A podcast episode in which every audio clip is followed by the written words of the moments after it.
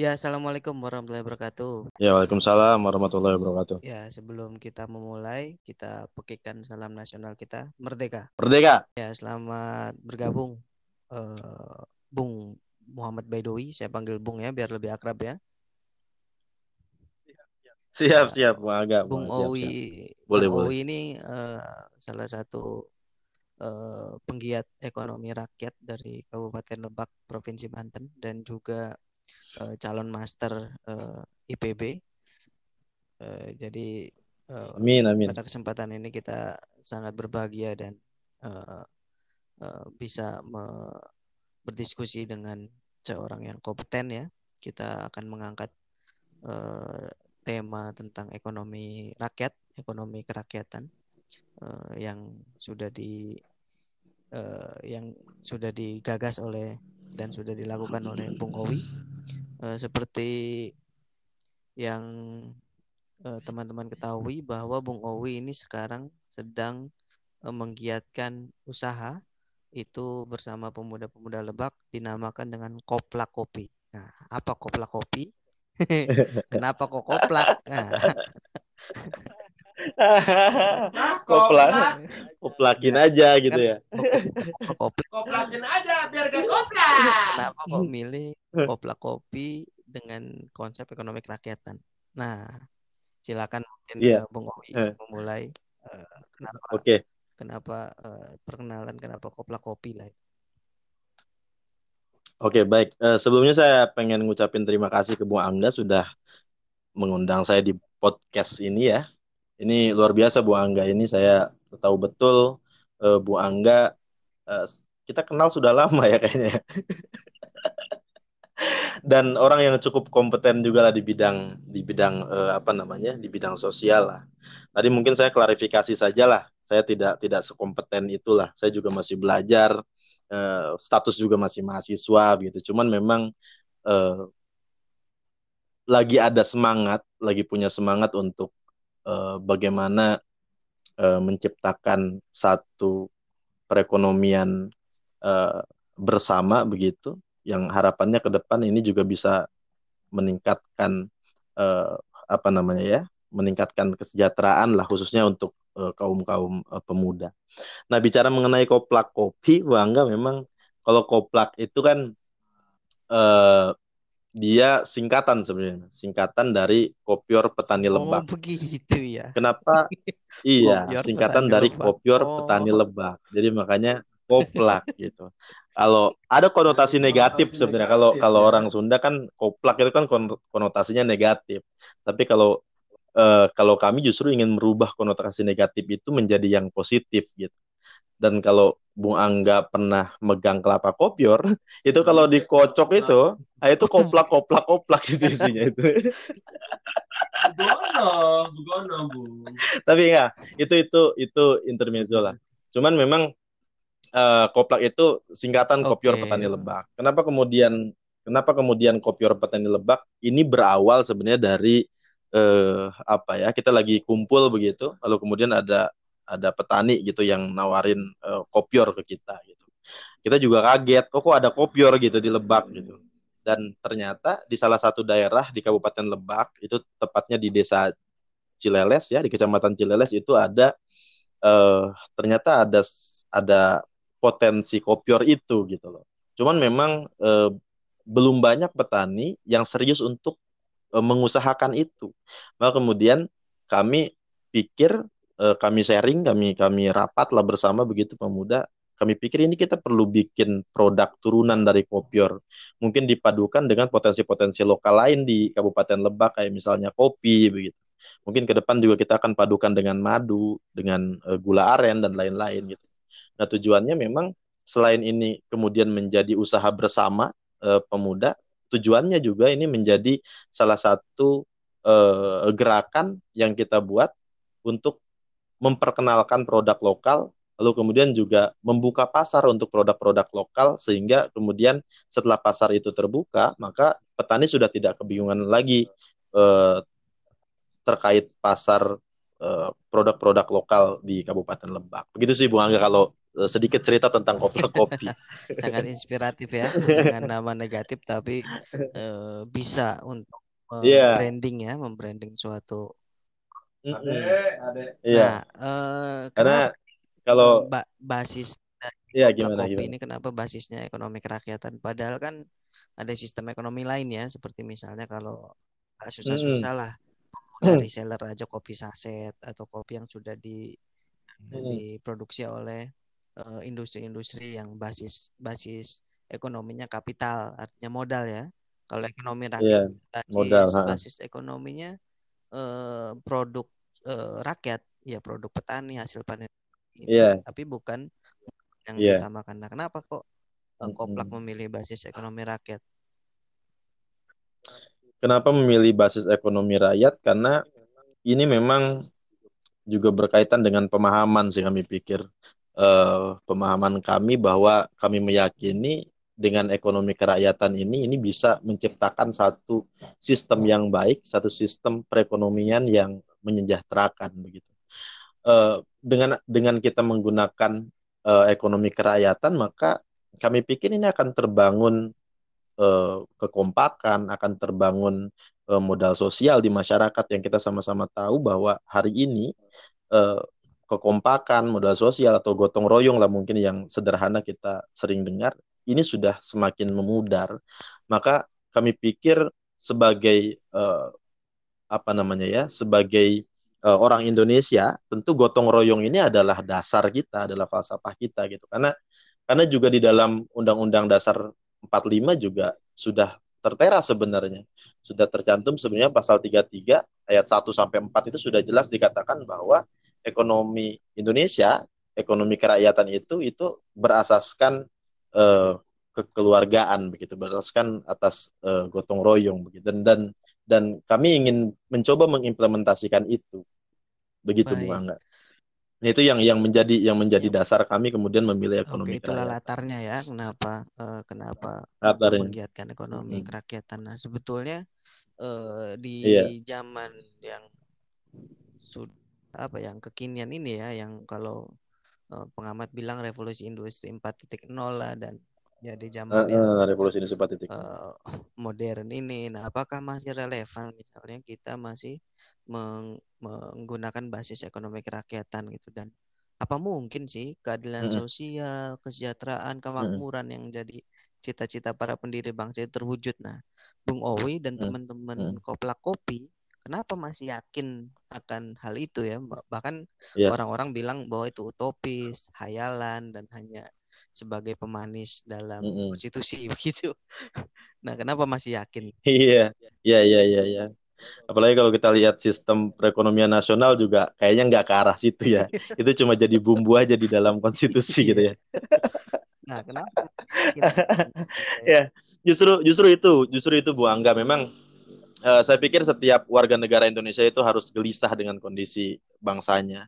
Setiap warga negara Indonesia itu harus memiliki harapan, bukan hanya harapan untuk kepentingan pribadi, tapi harapan untuk bagaimana menjadi uh, manusia yang bermanfaat bagi sesama. Begitu kira-kira. Dan konsep dan konsep uh, ekonomi kerakyatan karena berasaskan atas uh, kekeluargaan begitu maka uh, dengan kita menggunakan ekonomi jenis itu semua serba bersama, permodalan bersama, lalu kemudian juga kita lakukan bersama, produksi bersama, pemasaran dan lain-lain.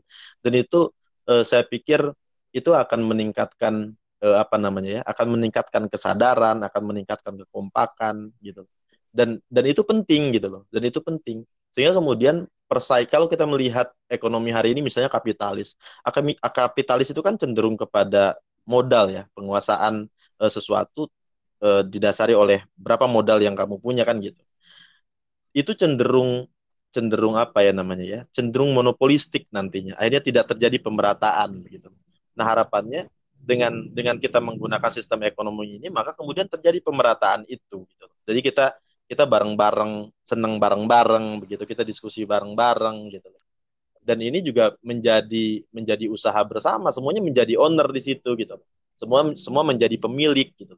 Dan itu yang yang saya pikir uh, penting untuk untuk uh, dilakukan sekaligus juga penting untuk diedukasi uh, kepada masyarakat khususnya pemuda lah yang hari ini memang tadi kalau menyinggung 4.0 mungkin uh, kayaknya tidak menarik ke arah situ gitu loh. Sudah tidak menarik ke arah situ. Justru itu yang saya pikir uh, harus kita edukasi ke pemuda biar ruh daripada konstitusi, ruh daripada uh, kita sebagai bangsa Indonesia ini tidak tidak hilang Oke, gitu. Oke, menarik sekali ya, Bung Owi ya. Jadi memang uh, hmm.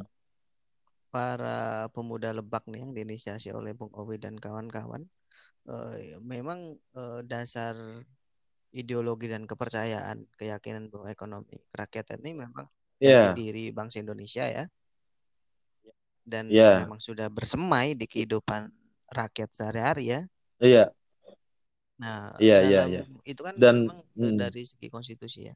Uh, kemudian di kita tarik misalnya dari segi geo geo geoekonomi ya, karena kita di Banten Mm-hmm. Di Banten kan kita misalnya mm-hmm. mau bagi kalau secara umum daerah utara adalah daerah industri ya.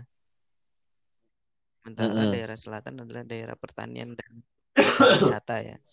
Yeah. Nah, uh, apa yeah. sebetulnya kritik dari dan saran tentunya dan masukan dari teman-teman uh, Kopla Kopi dan Bung Owi ini untuk mm-hmm. uh, bagaimana memajukan mm-hmm. ekonomi rakyat karena kalau kita lihat uh, spanduk, hmm. baliho di jalan-jalan yang ada foto kepala daerah itu selalu mengundang investor untuk iya. datang yeah. tapi tidak memperhatikan ekonomi rakyat. Nah, itu bagaimana? Iya. Nah, ini ini ini yang justru memang uh, saya pikir tidak hanya Banten ya. Pikir tidak tidak hanya Banten tapi juga mungkin Indonesia uh, secara uh, negara juga saya pikir ini juga menjadi kritik kita bersama lah. Tapi kalau kita fokus kepada Banten uh, hari ini uh, sangat bisa sebenarnya Bung Angga kalau saya pikir sangat bisa kita menggerakkan ekonomi rakyat itu sangat bisa sekali.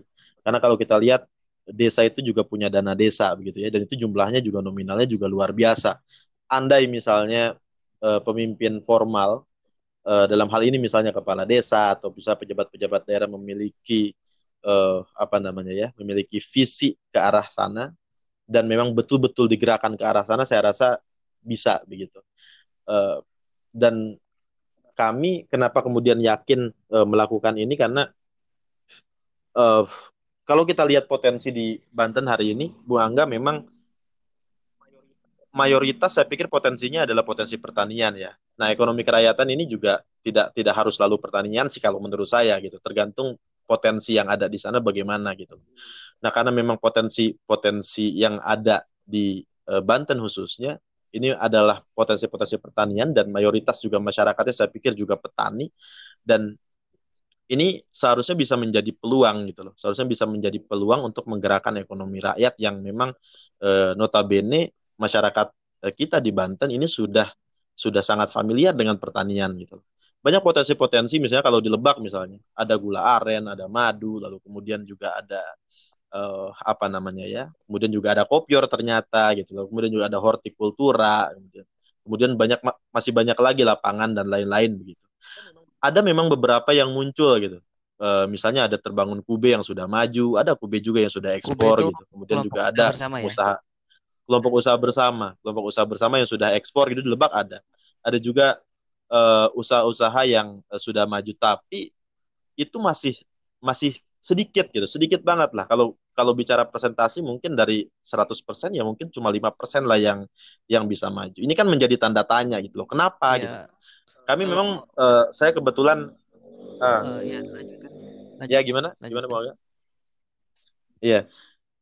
Uh, kita sempat main sebenarnya ke salah satu kube yang sudah maju di daerah Sobang itu di di di Kube Mitra Mandala itu sudah maju lah dia sudah ekspor segala macam dan memang kuncinya kuncinya ini harus ada seseorang yang bisa menjadi opinion leader, bisa menjadi orang yang yang menggerakkan gitu. Nah di banyak daerah di Banten uh, atau mungkin khususnya di Kabupaten Lebak itu belum belum banyak yang seperti itu gitu.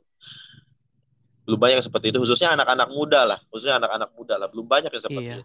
Nah kemudian harapannya dengan itu Nah, ada edukasi ke arah sana nanti ke depan. Oke, jadi memang uh, tidak hanya berjualan, tetapi juga yeah. Iya. uh, mengedukasi rakyat tentang ekonomi kerakyatan ya ekonomi yang mm -hmm. tentang ekonomi kerakyatan ini juga ekonomi Pancasila yang digariskan uh, oleh konstitusi ya iya iya tidak hanya tidak hanya ekonomi kan kita juga bicara bicara mengenai ekonomi ini uh, tidak semata-mata bisnis yeah. begitu Bung Angga. Karena memang uh, penting Ada yang tadi yang sudah ekonomi, saya sampaikan. Ya. Mm, mm, penting juga misalnya kita harus selalu kompak, gotong royong itu sangat penting sekali. Kenapa begitu? Biar biar karena kalau kita lihat era hari ini kan uh, dengan dengan kemajuan yang sangat pesat, kemudian juga revolusi industri uh, eh, 4.0 yang saya pikir sudah sangat uh, nampak lah kulturasi budaya dan lain-lain lah di pedesaan yang ini kemudian uh, sadar tidak sadar kemudian menggerus menggerus uh, apa namanya ya ya menggerus rasa saling percaya di antara satu sama lain menggerus gotong royong dan saya pikir itu justru malah negatif gitu loh. Maka kemudian mudah-mudahan dengan hadirnya konsep ekonomi ya kita mengikuti lah mengikuti konsep ekonomi yang memang sudah ditetapkan di dalam konstitusi. Kita mencoba untuk menjalankan itu harapannya kita bisa mengembalikan itu. Kita bisa berdaulat misalnya kan secara secara politik kita berdaulat secara ekonomi kita berdikari dan kemudian secara budaya juga kita berkepribadian. Nah itu sih yang hal yang yang ingin kita capai gitu lah itu harapan lah ya. Itu harapan. Tapi saya pikir setiap orang harus memiliki harapan karena kalau orang tidak memiliki harapan ya sudah apa ya namanya ya? Kata, ya mungkin sudah mati sebelum waktunya begitu. bermimpilah tinggi langit ya. Eh, kau terjadi ah bermimpilah setinggi langit jatuh di bintang-bintang. Nah, terus iya, iya, apakah iya. emang memang ekonomi kerakyatan itu harus bergantung ke sektor pertanian misalnya? Apakah harus selalu atau atau hmm. atau tidak selalu? Tadi saya pikir itu tergantung uh, tergantung potensi yang bisa dikembangkan sih uh, Bung Angga. Karena kalau bisa bicara ekonomi kan ini uh, bicara produk ya. Tergantung tergantung tergantung apa? Tergantung potensi yang yang ada gitu loh. Tidak harus misalnya pertanian karena kami kebetulan di pedesaan dan banyak potensi pertanian maka potensi pertanian lah yang kami angkat. Tapi kalau misalnya ada teman-teman misalnya bisa produksi sisir misalnya atau jarum pentol misalnya atau misalnya apa apa misalnya kerokan misalnya suka dijual di bus-bus itu juga bisa dijadikan dijadikan uh, produk okay. ekonomi kerakyatan kan bisa, bisa, bisa ya.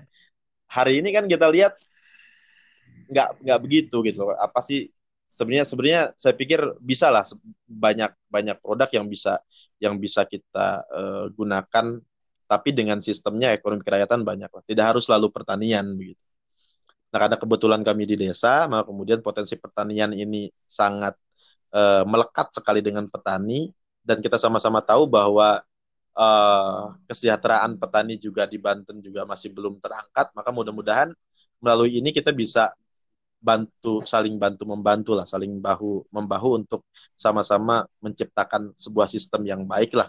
Meskipun kita bukan pejabat formal tapi barangkali dengan gerakan-gerakan non formal seperti yang uh, kita lakukan bisa menjadi uh, apa ya namanya bisa menjadi pendorong lah untuk kita menciptakan kondisi Oke. Okay. Uh, eh, terakhir mungkin uh, gimana caranya uh, kita nih bisa mendukung ekonomi rakyat ya uh, melalui tadi melalui uh, kopi gitu. Uh, gimana cara pemesanannya? Hmm. Gimana cara kita mau order koplak kopi ini? Oke, ini ini yang paling menarik dari bahasan ini. Iya, uh, kita punya Instagram, Bung Angga. Kita punya Instagram. Kita punya uh, Instagramnya itu kopi kopior lebak. Kopi kopior Pakai lebak itu uh, uh, kopi kopior underscore okay. lebak. Nah, kita ada Instagramnya dan alhamdulillah sih sejauh ini respon pasar juga bagus begitu dan kita juga lumayan continue uh, membeli uh, apa namanya membeli produk-produk uh, bahan ya kayak misalnya kopior kemudian kopi kita juga lumayan continue gitu dan uh, dan dan alhamdulillah itu itu bisa berjalan sejauh ini dengan baik gitu. Mudah-mudahan ke depan lebih lebih besar. Nah, untuk pemesanan mungkin bisa dilihat di Instagram mungkin yang lebih baik. mudah. Dilihat di Instagram di situ juga sudah tercantum kontaknya. Uh, bisa dihubungi lah di situ. Baik, terima kasih banyak Bung Begitu, Owi dan kawan-kawan hmm. Koplak sudah mengisi eh, bincang-bincang uh, virtual yeah. kita. Uh, nama nama kanalnya ini Pustaka 1945. Terima kasih. Oh iya, iya. Oh ini ini luar biasa sekali Bu Angga. Ini bagus sekali memang di era sekarang harus banyaklah kita uh, menggunakan platform-platform digital untuk untuk ini. untuk edukasi ini karena kenapa anak-anak muda itu sekarang eh, harus banyak disentuh dengan dengan nuansa-nuansa edukasi, Oke. Bu Angga. Nah ini ini bagus Ya, sekali lah. terima kasih. Kami Terima apresiasi kasih sekali lah dengan dan Bu Angga. kita akan terus dukung ekonomi kerakyatan salah satunya juga yang digagas oleh teman-teman Kopla Kopi. Eh, terima kasih banyak Mm-mm. sudah mengisi Bung Owi. Kita tutup dengan salam nasional kita Merdeka. Merdeka. Roma. warahmatullahi wabarakatuh. Waalaikumsalam warahmatullahi wabarakatuh.